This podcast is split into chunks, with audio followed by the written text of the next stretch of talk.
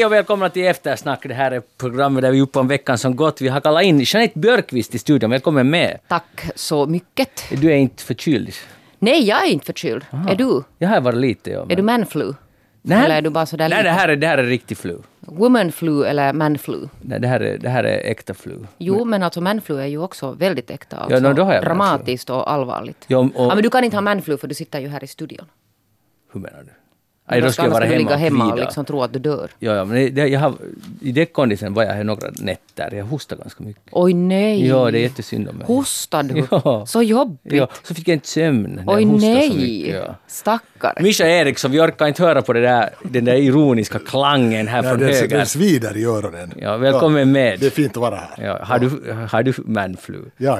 Eh, nej, jag inte, inte just nu. Nej, det är en tid sedan jag hade en. Men du förstår att jag har haft det tungt? Det, det, alltså, det är en åkomma som heter duga. Ja, precis. det, ja, det är verkligen det.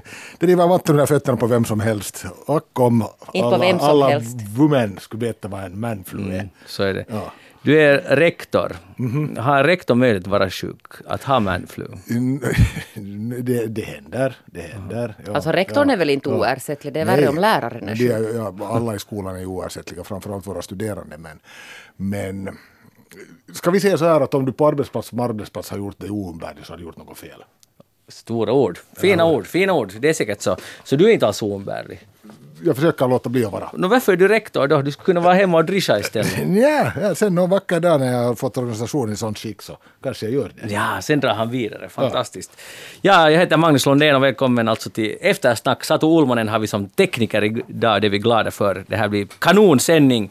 Jag tänkte faktiskt börja med uh, Isis ledare är död. Uh, han dog som en hund, citat USAs president Donald Trump. Abu Bakr al-Baghdadi, ungefär så uttalas det. Han gick uh, döden till mötes här i en tunnel, verkar det som. Jeanette, har- följde du med det här dramat? Nej, jag följde inte alltså med om du menar online. Nej, det, gick, det gjorde ju ingen av oss. Men Nej, och inte har jag heller tittat. Det har väl har det inte publicerats några filmer också av den här redan. Jag har Ja. sett några sådana här stillbilder av det, men jag följde nu inte med den här. jo, alltså den här filmen var nu ganska kornig och Ja, saker som exploderade och sen inte förstod man så hemskt mycket. Nej, det, hände någon, det var någon stor explosion, så mycket så jag. Alltså flimrade förbi nyhetsflödet. Det där, ja, så har man igen då bombat sönder. Och hans tre barn tror jag väl också var med där. Och var där en fru också som smällde upp. Men barnen dog, det var han som tog dem med sig. För han Just sprängde det. sig själv plus barnen i luften i Ja. tunneln. Enligt den här uppgifterna som USA har gått ut med i alla fall. Ja, det var ju inte första gången man sprängde sönder en sån här ledare för en terrororganisation.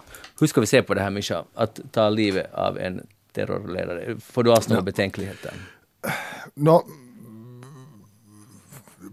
om jag nu har förstått det rätt så gick du inte in på samma sätt som med Osama bin Laden liksom med målsättningen att ta livet av honom. De skulle gärna ha tagit med sig honom därifrån om det skulle ha lyckats. Men som du sa, han sprängde ju, sprängde ju upp sig. Jag har ju svårt att uh, tappa nattsömnen över, över hans öde. Det måste jag erkänna. Jag menar, i hans och hans organisationsnamn så gjordes ju helt ofattbara grymheter som vi vet. Men däremot så tror jag inte att den här, det här uppföljande mediaskådespelet är speciellt konstruktivt.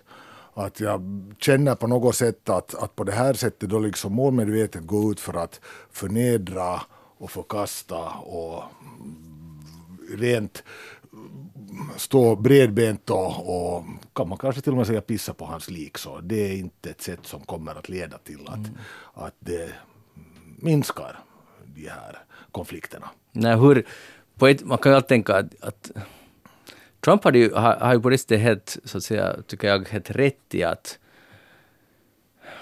om, om man tänker vad han den här mannen har ställt Ja. till med, så är det inte så hemskt stor skillnad. För mig får Trump säga allt det där, men det är inte så smart Nej. med tanke på framtiden och, och det läge som nu världen är i och så vidare. Att, att det är bara onödigt i det avseendet, även om det är helt liksom... eh, det är ju det är ändå bara ord om man jämför med vad den här ledaren har ställt till med så det är inte så farligt. Så, så, så på det sättet, men jag tycker bara det är inte klokt. Det är inte så här vist ledarskap.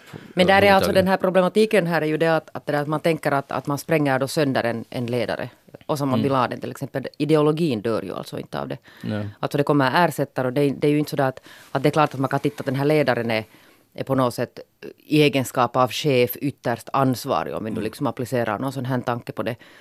Men, men om jag nu får citera den här Sveriges Radios Mellanöstern-korrespondent Cecilia Udén som är jätte, jätte alltså bra och prisbelönt. Så säger hon ju att, att, det där, att han var ju en ideologi och inte en person. Nu är han död men ideologin lever vidare. Alltså det finns, det finns liksom under och runt om så finns det sådana som för det vidare att, att, att IS försvinner inte för det att man bombar sönder eller försöker bomba sönder eller alltså göra sig av med folk. Nej, precis så är det ju. Och samtidigt tänker jag också just att, att den här den här ideologin som ju lever kvar, så den får ju minsann nog bränsle på sin glöd av det här bemötandet. Mm. Och jag menar som sagt, så jag säger inte att man på något sätt nu liksom ska tänka att det här är liksom någon form av ärlig kamp och respektera sin fiende och så vidare. Tvärtom så, jag menar fasansfulla dåd var det ju. Men det är dels inte klokt och sen om vi då föreställer oss alla de här som kanske inte ännu har anammat den här ideologin men som klart och tydligt ser då liksom en uppdelning i vi mot den västvärlden mot då i det här fallet det här Mellanösternområdet och så vidare. Så det här hjälper åtminstone inte att på lång sikt agera för, en, för en, ett möte. Och, och, då hamnade ju i skymundan det här Trumps tidigare beslut att dra sig ur den här så kallade skyddszonen där i Syrien mot gränsen till Turkiet. Så, så det här framstår nu som den stora saken som har skett, men den stora saken skedde redan för några veckor sedan. Så mycket, mycket värre än vad det här var bra. Förstår du vad ja. jag menar? Ja. Det, det, det är som synd att det blir sen nu är all fokus på det här och det är också helt förståeligt för det är så här spektakulärt och, och, och finns lite videomaterial på det och med alla de här familjerna som flyr därifrån så det, det var en endagsgrej och nu, det, nu finns det inte mer den grejen, kurderna som flyr. Tror, tror ni att det skulle, jag menar helt om vi tänker på alternativ, tror ni det skulle vara möjligt för en person, nu tänker jag inte på Donald Trump utan USAs president, att falla, fälla ett uttalande något i stil med att det är synd att det ska måste gå så här, att vi ska måste ta till de här våldsamma lösningarna. Vi skulle önska att det här, de här tillspetsade situationerna inte skulle uppskatta. Utan du menar sån här svensk retorik istället för sån här? Kalla det svensk eller, eller inbjudan till dialog eller vad du vill men, men att det ändå liksom... Mjukare alltså? Vad sa du? Mjukare Nej, sätt mjukare, att... ja precis. Istället för att då hånfullt skratta liksom på sin segerpiedestal. Så att liksom säga att, att vi hade inte så mycket alternativ i det här sammanhanget. Mm. Synd att det har gått till det här. Men mjukhet är inte så där hemskt högt på agendan just nu hos någon världsledare nej, och det, överhuvudtaget. Nej, och det är det, det, det, jag frågar. Att, ja. är, det, är det möjligt? Eller måste någon liksom visa lite leadership i det här också? Eller vad är? Klart det är möjligt, men först måste här, den här vågen gå förbi dra förbi och sen måste det komma något annat. Mm. När folk tröttnar på det här hårda retoriken. Ja. Men det är nog kanske inte ännu helt Nej. nära förestående. Ja. Men, men man tycker ju i alla fulla fall att oberoende av vad du representerar så liksom det här att ta till våld skulle alltid vara den sista lösningen. Mm. Eller hur? Mm.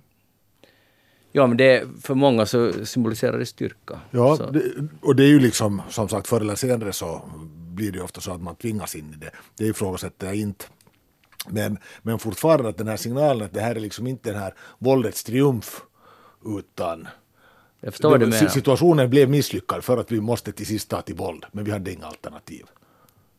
Jag tror att det, i dagens, alltså det, det låter klokt Mischa, men jag tror inte du skulle få så många röster. Nej, jag Nej. tror att det är just det att, att, men, att, att folk alltså suktar efter sådana här alltså hårda... Ja. Hårda och enkla lösningar. Ja, ja, i och för sig. Och, sen, och jag menar, nu är vi ju redigt ute igen, vet du, i den här idealvärlden eller liknande. Men samtidigt så föreställer jag mig också att den här häxcirkeln förstärker ju sig själv, eller hur? Mm, så är det. Ja. Men Isis har ju nog, uh, så att säga, tiggt om ett sånt bemötande. Ja men, där, ja, men därför säger jag ju också att vi, hade, vi, vi blev till sist tvingade mm. till det här. Vi hade inga alternativ.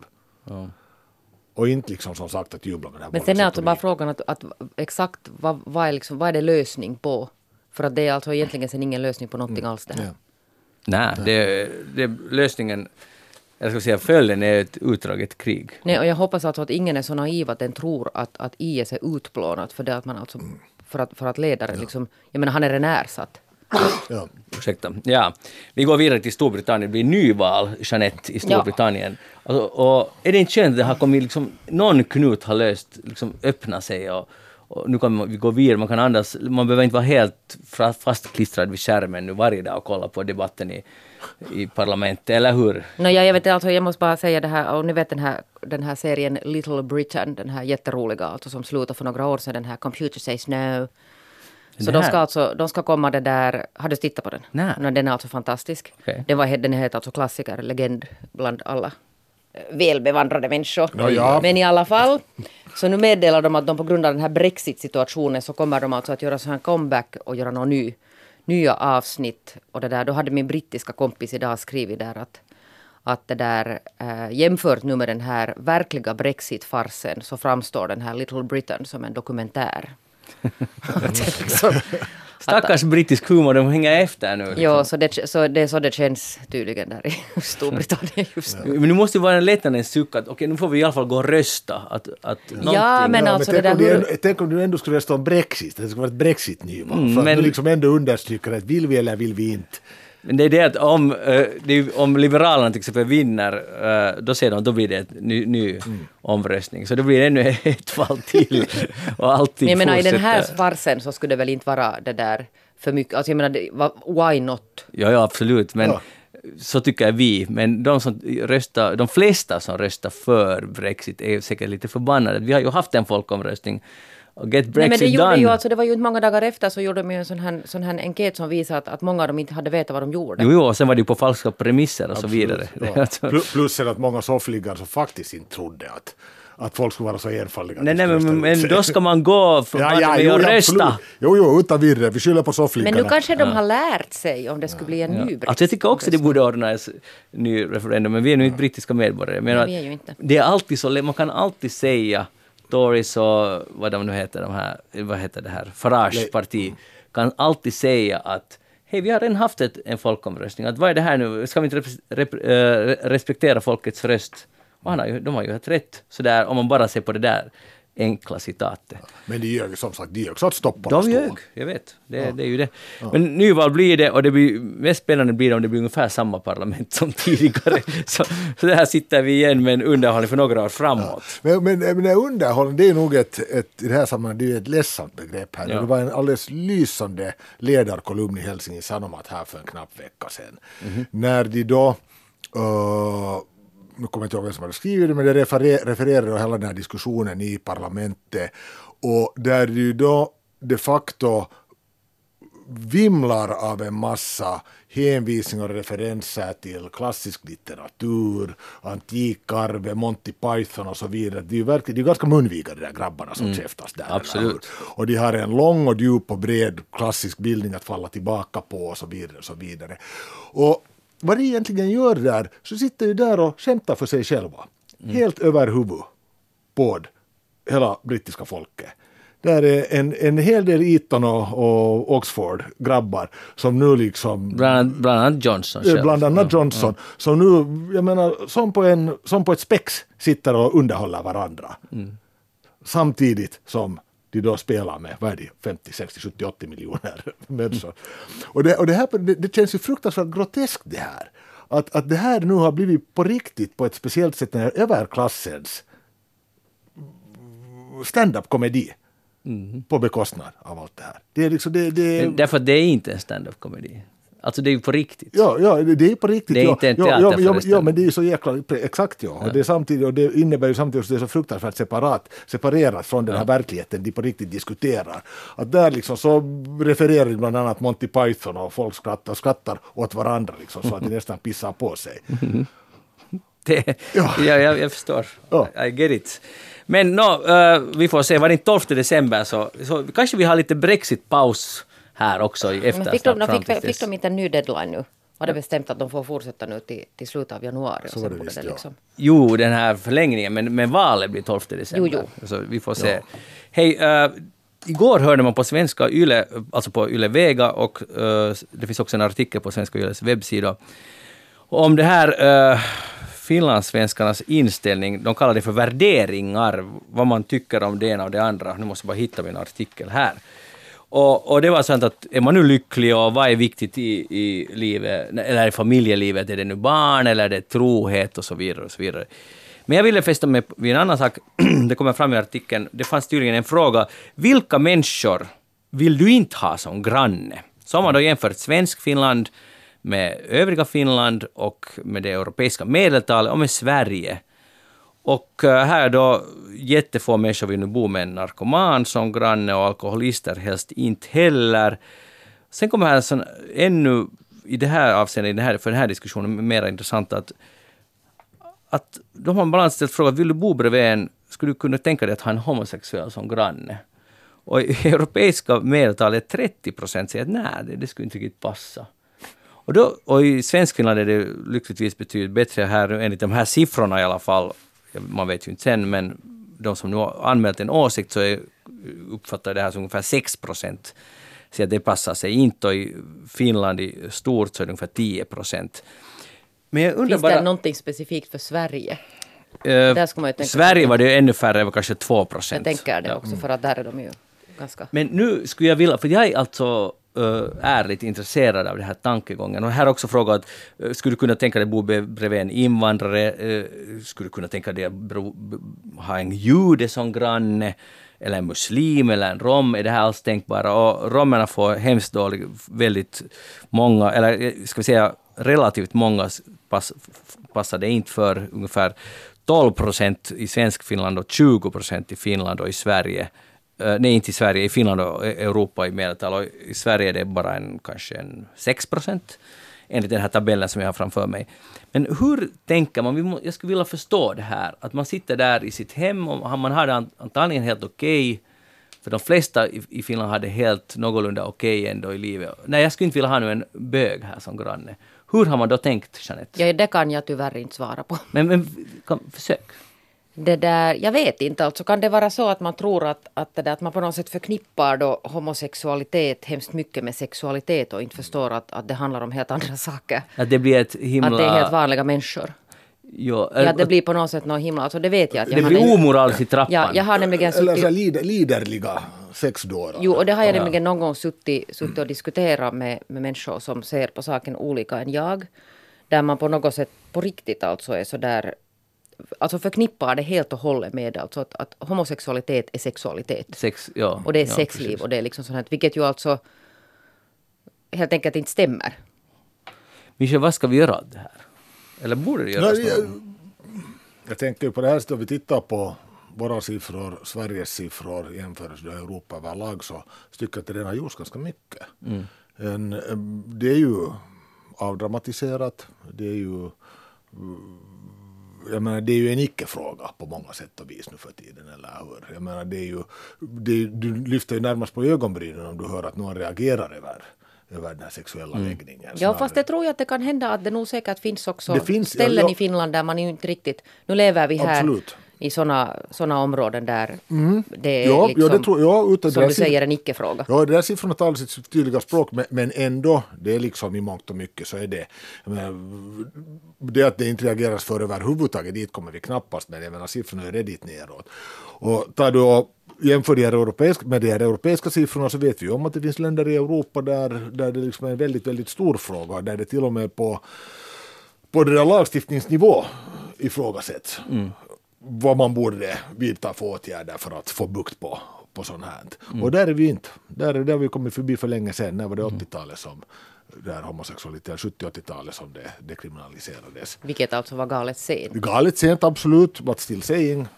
Mm. Så, så vi är ju på god väg och jag tänker också att det här sen i sin tur är en, en, det där cirkel, en god cirkel som förstärker sig själv. Jag menar, vem, vem nu för tiden reagerar till exempel för en Pride-parad? Det är ju hela folkets fest. Mm. Ganska snabbt på det sättet. Sen när det börjar rulla har det ja. skett relativt nu snabbt. Finns det ju det där, nu finns det ju vissa som reagerar. Jo, till ja. exempel i veckan blev det ju en, för vissa säkert en chock att det finns faktiskt uh, homosexuella ishockeyspelare har det kommit avslöjats nu i Finland. Ja. Hesari hade en artikel, en intervju uh, ja. där Janne Puhakka berättade att, att han, han spelar bland annat ja. i blues. Så att, att det, och han säger ju själv att det här, det ideala, ideala skulle vara att det här, man inte skulle måste diskutera den här saken, men att så här är nu faktum, ja. och därför ska det diskuteras. Ja, och jag menar det är säkert en av de här, hur ska vi kalla det, sista bastionerna när det gäller det här, den här urfinska maskulinitet, maskulinitetens hemborg då. Mm. Men jag tycker att Uh, inte så mycket det här att han nu då kom ut ur, ut ur det där klädskåpet utan, utan kanske närmast det här att reaktionen var ju liksom hela vägen så att so what? Mm. Att i landslaget skulle han passa och det här skulle aldrig innebära ett problem någonstans överhuvudtaget. Och jag menar, det blev ju inte en diskussion på det sättet att någon ifrågasatte det här. Nej, därför att ingen text. Jag är inte så säker på att det är så där positivt. Men, men, men, men, men det betyder att vi har kommit långt, att ingen mm. text. Men samtidigt det finns där... För att, men, men han, måste ju veta, såna... vänta, han måste ju veta vad han snackar om när han säger att att idealet skulle vara att han skulle måste ja. göra, det skulle inte bli så stor grej. När ja. Rubriken i Hesaris, den enorma artikeln var Höka är jag homo. Ja, absolut. Nu liksom, ja, men, betyder, betyder det ganska mycket. Ja, men, men vi vill fortfarande undersöka, jag menar det att vi inte är i mål ännu mm. behöver inte betyda att vi inte skulle ha sprungit en god bit. Nej, nej. Ja, så skulle jag säga att nu finns det ju sådana som Tex om, mm. om man nu liksom förstår att tiga lite där i, i ishockeykretsarna. Men nu finns det ju till exempel inom kyrkliga samfund. Jo. Sådana som täcks säga lite vad som helst. Jo. Alltså jag, öppnade, jag var och äta lunch och så öppnade, låg kyrkpressen på bordet där. Så tänkte jag, jag tycker om kyrkpressen, det är roligt att läsa. Mm. Och så blev det snabbt fram till insändarsidorna eftersom jag tycker e- extra mycket om att läsa dem. Och det här var alltså slumpen, jag läser den inte så hemskt ofta tyvärr, tidningen, men jag nu läste den. Och det här var igen en pågående debatt om homosexualitet. Hur ska vi nu tolka Bibeln?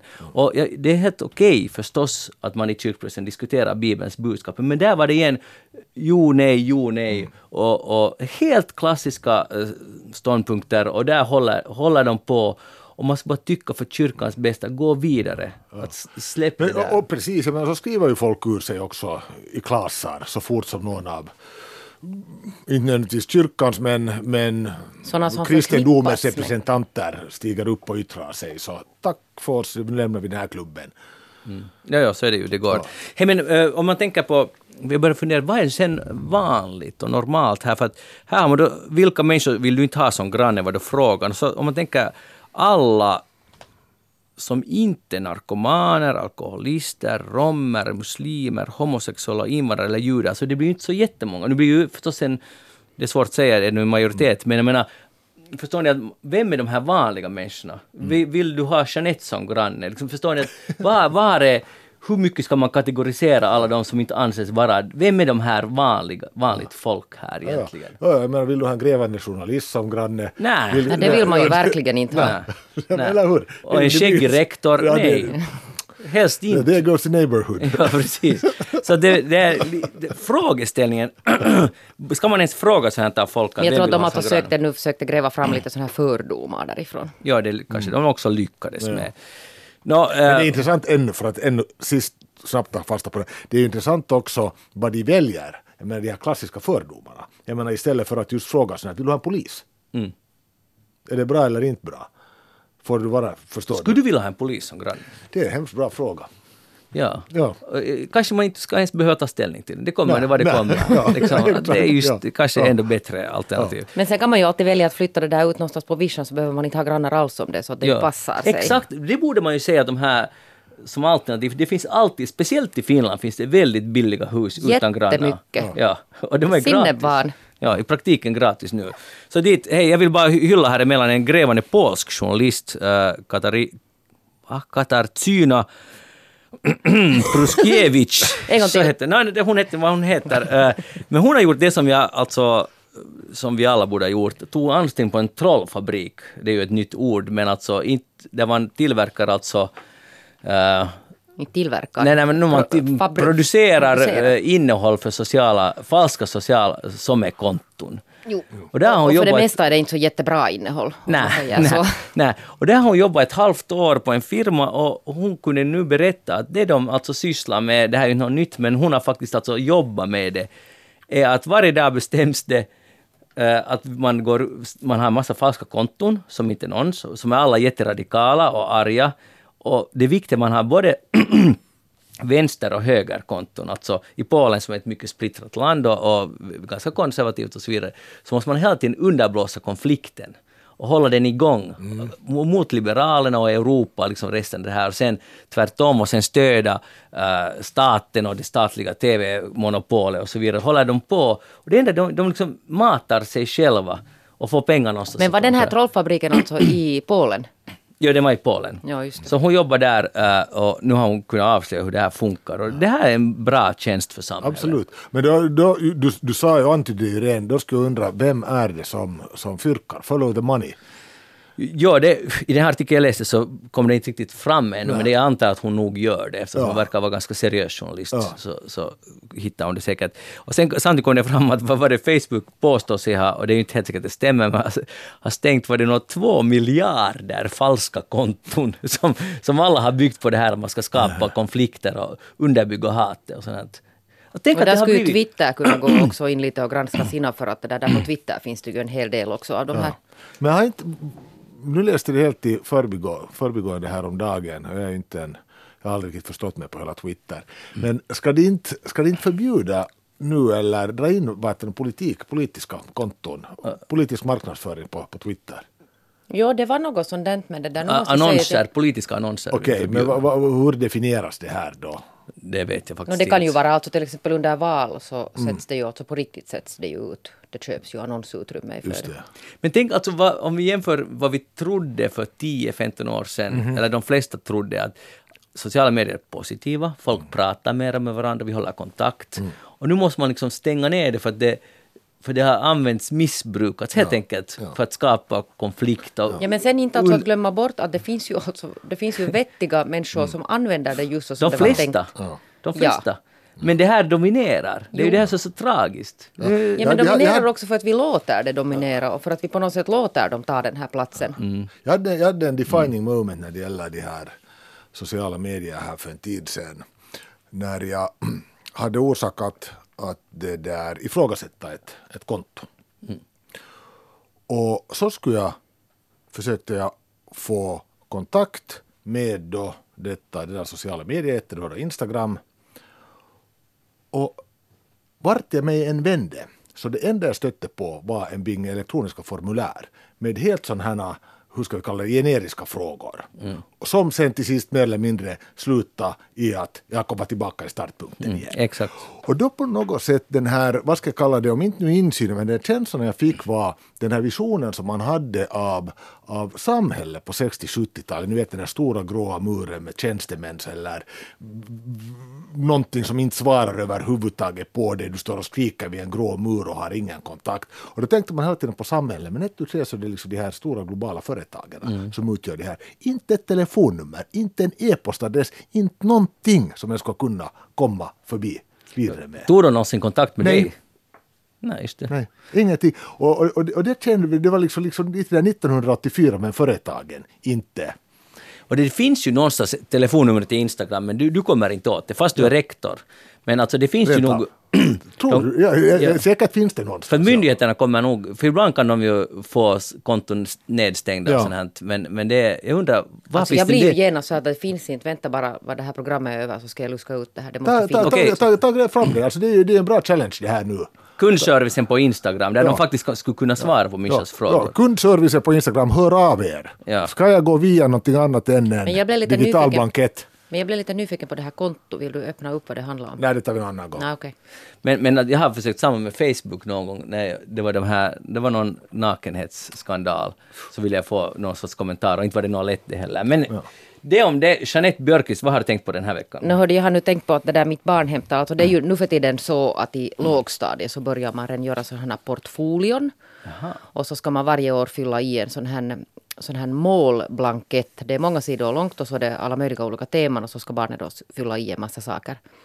Och det där och så ska hon hämta hem det och så ska man gå igenom och så ska man skriva att vad tänker hemmet göra nu för att stödja henne i de här målsättningarna. Det är mycket alltså avancerat och, och djupt. Nå, Jeanette, snabb fråga bara. Får jag Portfolio. Ja, portfolio. Jag Tänk. har aldrig hört om det här förut. Men På är det, ettan? Ja, det har jag ännu mindre hört om. Men det handlade alltså om hur går det i geografi, hur går det... Nej, nej, handlar det nej. Det handlar om sådana här, vet du, klimatinsatser och, och det där samhällskunskap och IT-kunskaper. Och så fanns det någon sån här som jag minns inte riktigt vad överrubriken, men det stod att, att det där berätta, vad skulle du vilja arbeta med då du blir stor? Det var ju en ganska vettig fråga, den har vi ju alla fått. Och Hur gammal är din dotter? När hon fyllde just åtta, hör du, förra fredagen när vi hade eftersnack. Och så läste jag så här då från hennes målhäfte. Det här vill hon bli när hon blir stor. Författare, illustratör, ryttare, astronaut, president, veterinär designer, astronom. Okej. Och det tycker jag ju var ganska bra, det där alternativet. Det finns ett brett urval. Jättebrett. Man ska ju vara mångsidig nu för tiden. Så tänkte jag att, att det här var ju intressant för sen uppstod det alltså en diskussion där under då. Den här tråden där, där kvinnor i olika åldrar börjar liksom lite dela med sig att, att nu har ju tiderna gått framåt. Att vad man tidigare ville när man var liten flicka, att vad ville man bli då? Eh, prinsessa, mannekäng, bankfröken hade nämnts. Och så var det någon som hade drömt om att bli astronaut. Och då hade någon, var det lärare, för eh, fröken hade sagt att, att det är inte passande för flickor att bli astronaut. Men hon föreslog istället att den här kvinnan skulle bli flygvärdinna. Vet ni det här att, att på något sätt så det där... Så nu har vi gått framåt. Men inte- vad är det fel på flygvärdinnan nu då? Ingenting, men alltså förstår du att jag menar, om, om flickan vill bli astronaut Så och så bli. säger man att men far nu upp i luften då i flyget istället att, att du ska inte tro liksom, Jo, jag att du kan bli astronaut. Och, och inte i cockpiten. Nej, och så, så måste jag ju då reda ut att, det där, att, var, var placerar nu min, min dotters drömmar? Så då visade det sig att Akuanka har gjort alltså också sådana här undersökningar. Att vad är flickors och pojkars? Nu vet jag inte, vad ville ni bli när ni var små? Minns ni? Upptäcktsresande. Jag Upptäcktsresande? ville tränga djupt in i Amazonas djungler och, och kartlägga okänd mark. Och hur gick det med det Mischa? No, han kartlägger okänd mark i det, det, det skolvärlden. blev inte så bra, men jag är fortfarande djup fascination för... Okej. Jag skulle bli, eh, om jag minns rätt, trafikpolis, men där blev intet. Nej. Nej, så det, No, det där pojkarnas favorityrke, alltså det vad de drömmer om nu idag, är polis eller brandman. Det är väl ganska klassiska. Ja. Flickor har lärare, veterinär eller läkare i Finland alltså. Så har de gjort samma alltså i Sverige då. Att vad drömmer de här? No, det är kanske inte barn, det är liksom lite yngre kvinnor. Där drömmer de om att bli läkare, lärare, polis, psykolog eller egenföretagare. Och pojkarna om då egenföretagare, pilot, musiker eh, slash musikproducent, chef Chef. eller läkare. Jag drömmer om att bli chef. Ja. Just det. Och det, det är också lite roligt att om man drömmer om att bli egenföretagare. Det är ju inte så svårt. Man kan bara gå och grunda sitt företag. Men det Ja, men bra att grunda, Man kan drömma om att ha egenföretagare med en god idé. Ja, men alltså jag tycker att det är ganska bra. Alltså för att det tror jag nu verkligen inte om man skulle ha gjort då på, på min tid. Nej. Så inte skulle ju någon ha sagt att, att jag ska bli företagare. Eller väldigt få. Nej, det ska vara ganska fult. Men att det på något Ja. sätt vet ni är nu ett alternativ. Det är ett helt seriöst alternativ Ja, ja, det är ju positivt. för barn och unga. Men jag skulle vilja diskutera det här. Jag vet inte om det var det du ville diskutera. Portföljen. Men, ja, alltså. Men jag förstår är det skolans uppgift att börja Jo, nu kanske Mischa kan... kartlägga är du, det här? Är du, inla, är du insatt nu i den här lågstadiets hörn? Men, alltså, hela den här grundskolan, det heter inte lågstadiet mer, det heter lägre klasserna. Men hela den här grundskolan så är, om inte mig fjärran, men jag är inte djupt insatt. Och Och det här är något nytt som kom. Alltså, om jag nu förstod det rätt så har det kommit nu. Nu kan någon lärare sen komma in där på Facebook och berätta. Men det har alltså förra året det där hade kommit sånt här att man ska börja alltså bygga en portfolio. Den här portfolien ska byggas alltså under hela din skolgång. Och det betyder alltså att man bygger en portfolio. Det där. Jag har nu lite försökt förkovra mig i den här Alltså, portfolio-grejen. det ju- Men det jag har inte riktigt det, nu det är ju kanske ett fint tänk. Jag tycker faktiskt att det är lite det där. Jag tycker att de kanske skulle öva skrivstil istället. det ena, det ena, Jag, jag är, det här är ovant, jag är på Jeanettes linje. det, det ena utesluter inte det andra. Nå, Det ska- tydligen. Nej, det ska vi nu verkligen Ty, inte. va, nej, det, ska, det ska vi nu inte verkligen finns- inte lär inte Och jag, jag förstår alldeles bra att du tycker att de borde öva skrivstilen. Alltså jag kan förstå att man börjar göra sådana här saker liksom, och på något sätt, jag menar det handlar till exempel kanske om man nu vill tänka det liksom bra så, så vet ni någon IT-kunskap till exempel och, och att man ska kunna göra sådana här saker alltså i, dagens samhälle. Men inte vet jag nu att ska förstaklassister sitta och göra sådana här. Nej, men alltså, alltså var det ju, nu, nu som sagt, nu ska jag inte yttra mig om de lägre klassernas pedagogiska långsiktsplan, men Uh, jag tänker nog att det mycket handlar om att sakta men säkert öva upp den här självkännedomen och på något sätt också ge de här ungdomarna och barnen möjlighet att lite blicka tillbaka, se hur de har utvecklats under sin, sin tid. Fundera nu ur ett gymnasieperspektiv så tycker jag att det är enormt matnyttigt att till exempel låta en abiturient skriva om den uppsats som hen skrev på årskurs 1 och sen kunna jämföra dem. Men nu- Eller hur? det- Och, och, och, och på det här sättet liksom se hur har jag utvecklats? Men nu är vi, nu är vi på sjuåringsstadiet. Ja, nu, nu, som talar vi nu om. Jo, men förstaklassisterna alltså. du sprider ut sån här alltså, disinformation nu, för, att, för det, det är ju en bra sak. me. Ja, ja, det gör det. Rektorn gör det, för att, eller sån här dimridå. För visst är det ju bra att skriva om sin uppsats, det visar just hur har man gått framåt, hur tänkte jag då. Men att sätta en åttaåring... Eller en sjuåring Eller en sjuåring att, att tvingas liksom se inåt, vad ska du bli, vad ska, vad ska du bli, vad ska du bli, vad vill du bli? Hålla på att skolan. Man kan ju sitta och drömma hemma om mamma eller pappa eller någon brorsa frågar, ja det är helt okej som jag tycker det har varit, men ska skolan som institution börja liksom kräva att man ska sätta det in i en katalog vad man ska göra, vad man vill bli, Jag tycker- pressen ökar, det är helt onödigt. Låt kidsen vara barn! Jag, jag, jag, tycker, jag, jag tycker ju också att det här är lite dimridåer. Sättet på vilket du presenterar det här, att läraren går in där uppskruvad. Vad tänker du bli? Ja, nu ska det det är så fram. det, så, så det uppfattas. Ja. Men det ju handlar ju om det att, att, att man liksom nischas in redan alltså från, från första klass i det att man på något sätt ska tänka liksom framåt och vet ni, bygga någon slags sån här livsbana istället för att bara få vara... Få vara i nuet. Mischa, innan du börjar, nu talar jag till punkt. Ja. Jag, Nu är har det ju, mansplaining jag, sitter, slut. jag Nu- sitter ju här knäpptyst.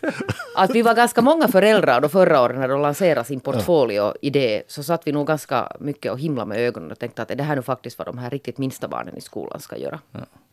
Jag skulle också ha himla med. Ja, Men menar ni att ni aldrig av en, ens en femåring har frågat vad vill du bli när du blir stor? Och jo, jag har ju frågat mitt barn sedan hon var tre år. Nåja, Men det är inte liksom det det handlar om. Ja, ja. Och det är mindre press än nu. Nej, det är inte det det handlar om utan bara för att kolla Jag, undrar, sådana du, journalist? Var det så det för stod i det det här? där, för att alltså, kolla bara de här, alltså, jag, tycker särskilt det är intressant alltså för flickor.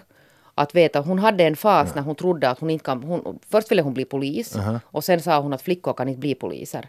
Och nu har hon då kommit tillbaka till det här att hon har förstått att det där, och jag kan säga att det är inte min förtjänst utan vi har hittat en sån här fantastisk alltså serie som heter Godnattsagor för rebelltjejer som vi har läst. Ja, två böcker. Så där på något sätt, det öppnar liksom alla möjligheter. Mischa, det är klart att, att, att man kan diskutera. Jag tycker däremot, jag tycker faktiskt tvärtom det, att jag tycker man inte ska fråga hemskt mycket att vad vill du bli hela tiden, för det ökar den där som det skulle som om man skulle måste veta vad man vill bli. Man kan ju ha olika drömmar och tankar, men, men de många vet inte och upplever att det är ganska eh, pressande att det frågas hela tiden. Det finns 20-åringar som ännu funnits vad ska de bli? Absolut. Och det är helt ja, okej. Ja, det, ut, naturligtvis. Det, det är ju inte här att du i något skede nu förväntas ta en ställning som du sen ska hålla i resten av ditt liv. Tvärtom, Mm. det vet vi ju om. Men hemskt mångt och mycket handlar det ju om både hur frågan ställs och sen hur den uppfyllande diskussionen görs. Och jag menar, nu kommer jag inte ihåg vad det var för klok människa som sa det här att när barnet kommer hem ska man inte fråga vad gjorde du i skolan utan du ska fråga vad har du lärt dig idag att du på det här sättet då samtidigt också signalerar liksom tanken bakom den här, den här dagen i, i läroverket. Och jag menar alldeles på samma sätt, vad vill du bli? Vänd på steg, vad tycker du skulle vara roligt att göra? Skulle Men varför måste man ha ett svar på den frågan? vara, det, inte säga att du måste ha. Menar, det, Vad lär du dig i skolan tycker jag är en utmärkt fråga. Mm. Men vad har det att göra med att vad, vad tänker du bli när du blir stor? Ja, Då kan man inte leva nu, leva det här livet som man nu har. Som sagt, var tänker du bli? Det antyder ju, den frågan antyder ju lite att i något skede så är du där, du är färdig och sen går du vidare. Nu har jag blivit det vad jag ska bli och så är saken klar. Så det är ju ur det perspektivet kanske frågan felformulerad. Men om du säger istället, vad tycker du skulle vara roligt att göra? Vad, vad, vad, vad tycker du skulle vara skojigt? Och sen säger någon, jag skulle kanske vilja skriva, jag skulle vilja flyga, jag skulle vilja upptäcktsresa i Amazonas. Men tror du inte att barn drömmer de här drömmarna och tänker utan att en institution som skolan eller föräldrar frågar den eller någon släkting på någon släktklass frågar. Säkert. Tror du att man, liksom, de där tankarna kommer, sen gäller det att leva i nuet. Vad ska vi göra idag? Istället för att vad ska du bli sen? Som där fortfarande det ena utesluter inte det andra. Men jag tycker att det är nog också ett sätt att visa intresse för det här barnet. Men nu kommer ju vissa intresse på massa andra sätt. Om nuet Är till men är exempel. det här nu så uteslutet? Att fråga vad, vad man Jag tycker försöker skulle bråka med dig Mischa. Ja, Jag vet, det- och jag försöker sätta tummen på varför det är en huvudvärk det här. Nej, Därför jag tror att många ungdomar upplever att just de här kraven, att man borde veta vad man ska bli. Och man ska studera jävligt snabbt och allt ska gå snabbt och effektivt. Och det här är inte det är på ett sätt bra kanske för samhället, eller det sägs så, men det, för många individer är det inte alls bra. Men det var jag har det- sagt det- det där när jag har träffat sådana ungdomar som är, de är ganska lost och det är ganska hård press alltså på det där att man borde veta. Och sen många gånger med den här tanken att det är vad du ska göra alltså resten av ditt liv, det ska du välja nu när du är liksom då, hur gammal är man när man går ut högstadiet, så det är nu du gör Men- ditt livsval. Men jag brukar säga åt dem att det är inte så. Man kan alltså byta bransch, man, man gör liksom det som kanske nu känns så här rätt. Och sen kan man när man är 25 år gammal slänga om och göra något helt annat. Men- men- och sen men- kan man byta en gång till när man är 30. Men, te, men, 35. men te, tell me about it. Jag jobbar som studiehandledare i 20 år. Och jag Ja. jobbar med de här ungdomarna varje dag. Så jag menar, det här är ju det är just precis som du säger Jeanette. Jag är hemskt glad att du får ut det här budet på det här sättet. Men, men, men det Men alla har inte såna men, men, men, studiehandledare. den- här pressen nu som våra ungdomar då upplever större och större sen de senaste ska vi säga 15-20 åren där väldigt många faktorer då liksom har påverkat den här, den här hetsen. Så den kommer nu verkligen inte av det här att du frågar dem när de är sju år gamla vad du ska bli när du blir stor. Det är en fråga som har ställts i hundratusen år. Mm, Men inte, Ska du bli jägare eller ska du bli samlare? Men inte den där portföljen. Det blir värre. Är det portföljen Jag är, inte nu? riktigt säker, jag är inte säker om den här nu ingår går vi vidare. I, om den ingår i portföljen. Men den är i alla fall en del av någon ny. Är Jag, fin. jag, jag kan inte omfatta Mischa det. Eriksson, Ja. håll truten och berätta vad du har tänkt på den här veckan. i tystnad. Ja. Ja. Hej, jag har tänkt på, jag är, det är de facto inte den här veckan utan redan en god stund bakåt men, men det på något sätt accentuerades och konkretiserades hemskt mycket nu. Jag ska till stugan det här veckoslutet mer eller mindre stänga för, för säsongen och då är det ju alltid till att sen är det ju en massa sådana grejer som man ska ta med sig därifrån och som man tyvärr måste slänga bort, gamla saker som man inte, när man städar upp inför vintern. Och nu finns det nära, nära vår stuga en, en stor populär gästhamn och där finns utomordentligt en massa så här stora mål och byttor ni vet som man då kan sortera. Där är metall och där är plast och där är glas och där är papper och pappa i alla fall i rullar. Helt som det ska vara. Men kan ni tänka er, det är bakom lås och bom. Det, du, måste, du måste ha en nyckel och det är bara för ortsborna, vilket jag i och för sig är. Men ändå. Det vill Vilket säga, sätt är du ortsbordet? No, eftersom jag har en stuga där Betalar måste, du skatt då, då måste, nej, jag måste betala en sån här sop, sophanteringsavgift och mot den så får jag nyckel till de här. Men det här betyder då att någon som kommer dit till exempel med en båt och har rosk så har lite svårare att börja sortera för hen har inte nyckel till det här. Mm. Att de har med andra ord låst ut för ganska många möjligheten att föra en ansvarsfull sophantering. Jo, där är ju tanken att då ska alla tycka oj nej, att jag måste skaffa mig rättigheten att få nyckeln och betala vad man betalar man skatt för att få det? Eller hur? Nej, det är inte skatt. Man är med det, en... det, det är en avgift, det är vad det nu heter, Håll skärgården ren eller... Jo, och det tycker man ju det är det minsta man kan göra om man är skärgårdsbo och speciellt... Ja, men det är ortsbor, du är tvungen att göra det. Ja, alltså ortsbon är tvungen. Ja. Okej. Ja, alltså jag, jag får en räkning på det här. Ja, det som, som jag måste betala, absolut ja. Men samtidigt, och, så, och jag betalar ju den gärna. Men samtidigt så ser jag inget behov för mig att få nyckeln hit. Till den här, till den här. Alltså jag är en stor konsument av de här sopbyttorna. Mm. Så jag betalar gärna. Men vänta, du betalar en avgift men du har ingen nyckel. Nyckeln har jag alltså alltid full koll. Jag lyckas sortera mina sopor. Men jag är irriterad över att de här sopbyttorna inte är tillgängliga till alla. Mm. Alltså jag förstår vad du menar, men eh, är det inte så att det är det enda sättet för att få folk att betala för sin Nej, jag måste betala. Alltså jag, jag, jag blir indriven om jag inte betalar. Men det är väl så att det kostar ju också att det. upprätthålla den här. Alltså Ja, det är ja, så och inte jag det vill var inte ha sådana som inte betalar sådana deras som inte sopor. betalar. Ja. Ja, ja. Och där, där är ju förstås Ja, det är- alltså, det det hur, skulle, hur skulle rektorn lösa det här? Jag skulle, jag skulle inte ha det bakom lås och bom. Ortsborna betalar för de konsumerar så mycket och sen för att hålla sin egen vackra skärgård och natur ren så bjuder de på sopbyttorna till utbildningar.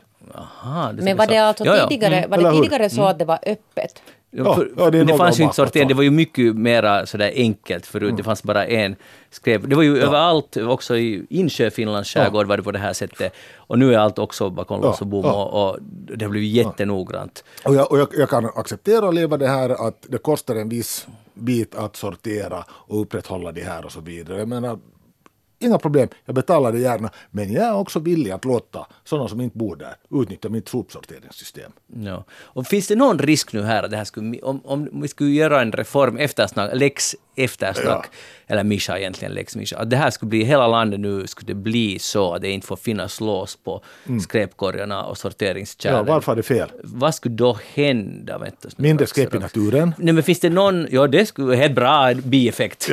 men, men skulle det vara någon som kan utnyttja det här systemet? För det är det man vill komma åt med de här lås. Alltid när man sätter lås på någonting vill man ha kontroll Ja. över någonting. Så vad är det, vem skulle kunna utnyttja det här? Utlänningarna. Ja, ja, absolut, ja, alla de där som du inte vill ha som grannar. Ja. De till exempel. Ja.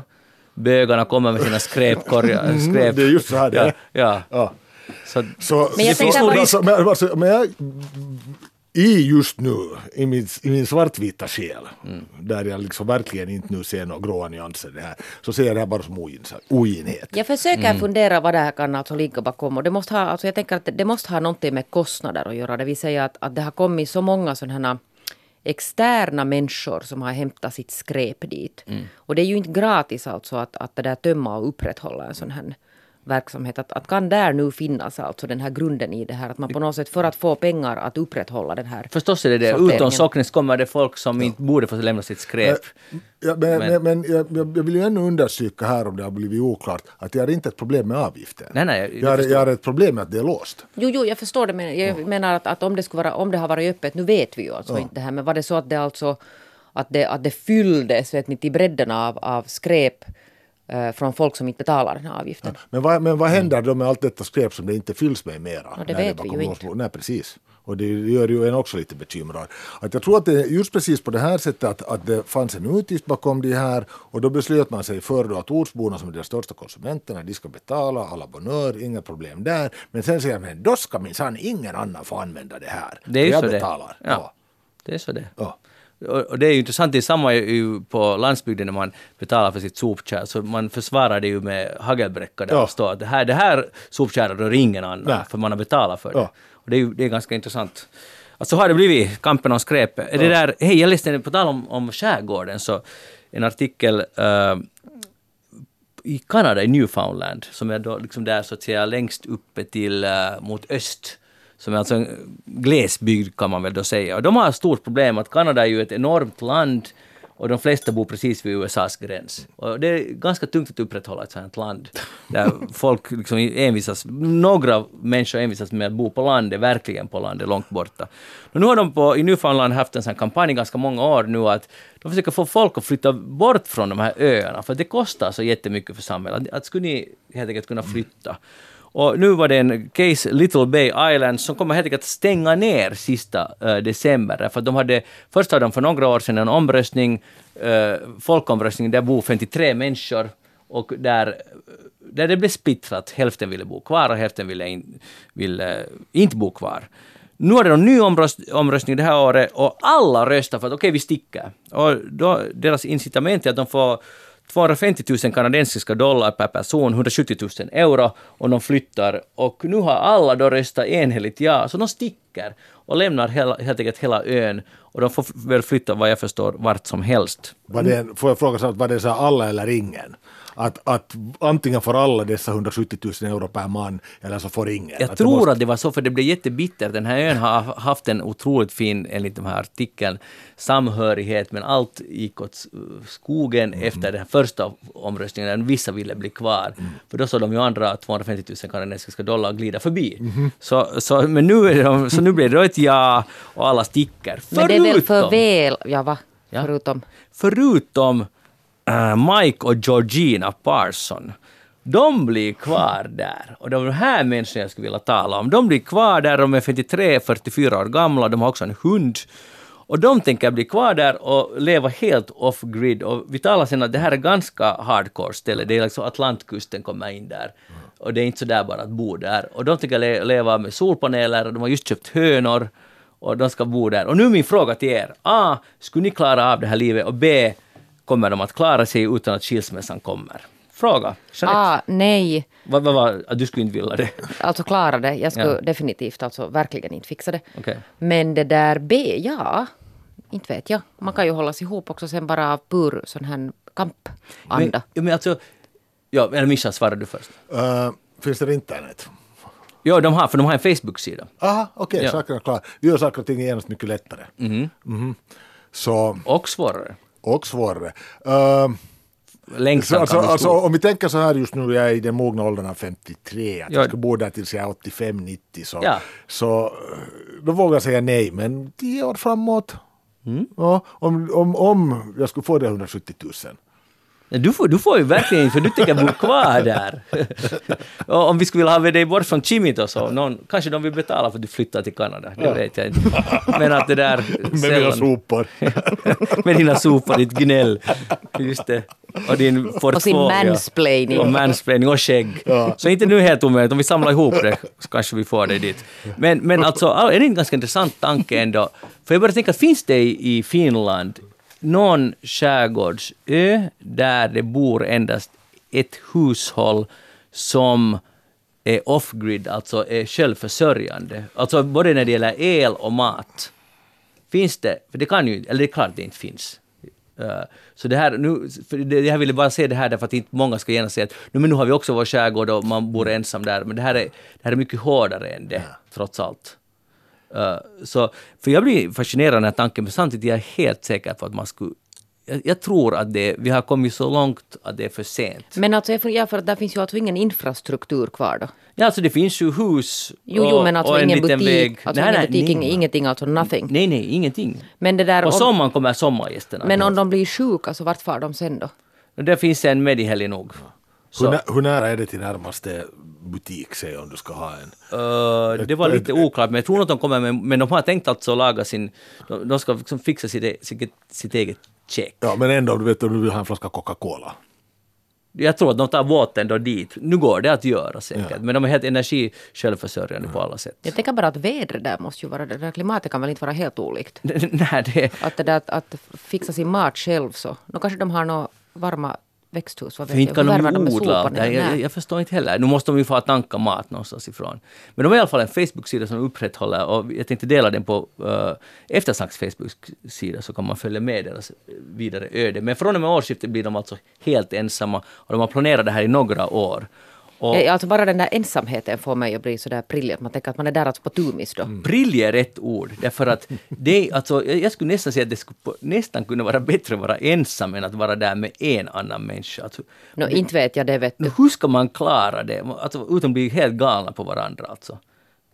Alltså inte det är ju helt, alltså, tänk resten av livet, för det kommer ju Nej, men det går ju ganska mycket energi till det. De är så desperata, sen kommer att suga sig fast i de här sommargästerna. Så vi pratar med någon annan människa. dit. Ja.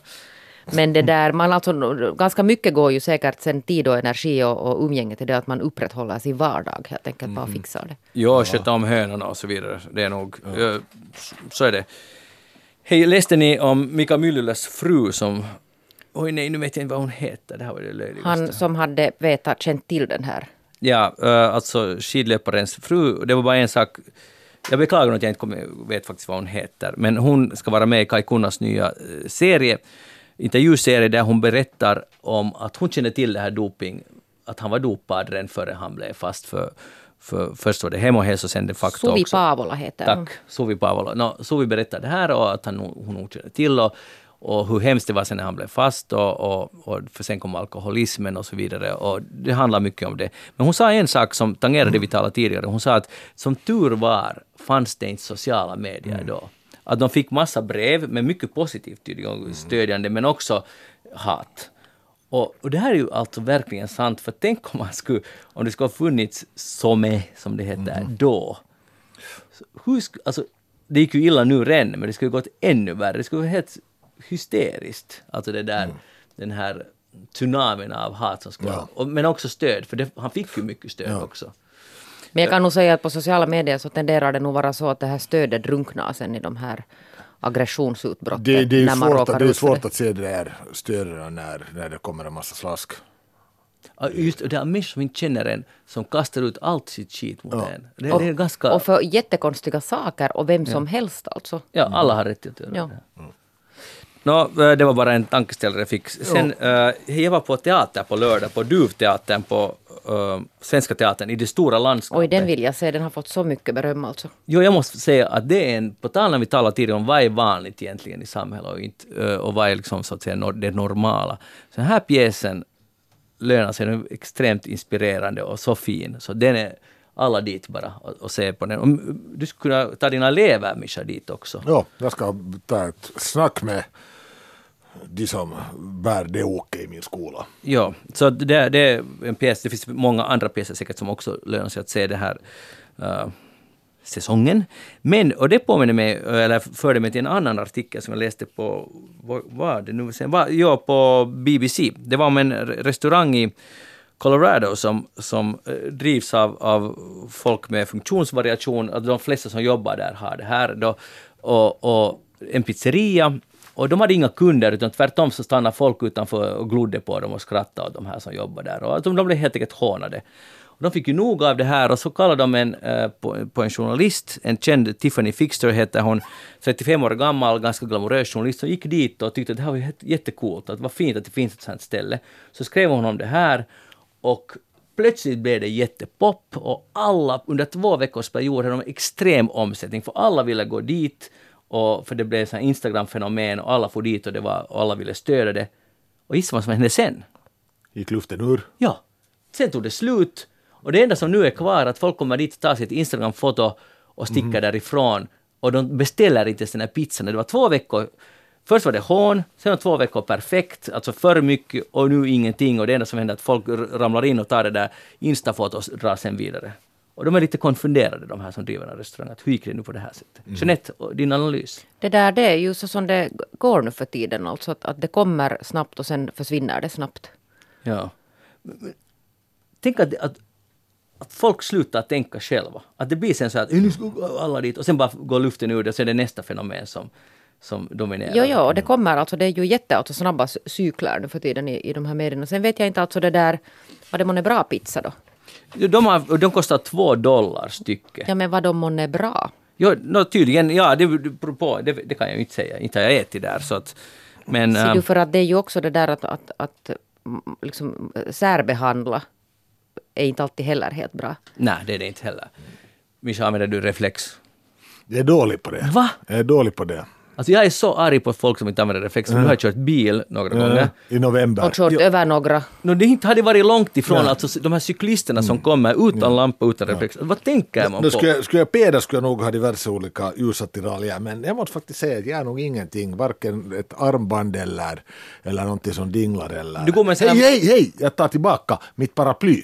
Det har reflex. No, grattis. Men du alltså, du går med en klassisk finsk svart manlig jacka. Läder. Ja, bra. Och ingenting. Du är alltså i livsfara varje ja. dag. Jeanette Björkqvist, hur är det med dina reflexer? Jättemycket har vi hela familjen. Bra. Oj, du är sån mall modell för resten av världen. Jeanette Björkqvist, tack för att du var med i Eftersnack idag. Var det, ro, var det roligt? Det var helt huisigt kiva. Huisigt kiva. Och rektor Mischa Eriksson är som tycker att vi ska alla fylla i våra portföljer illa kvickt från födseln redan. Tack för att du var här. Det var roligt att du var här.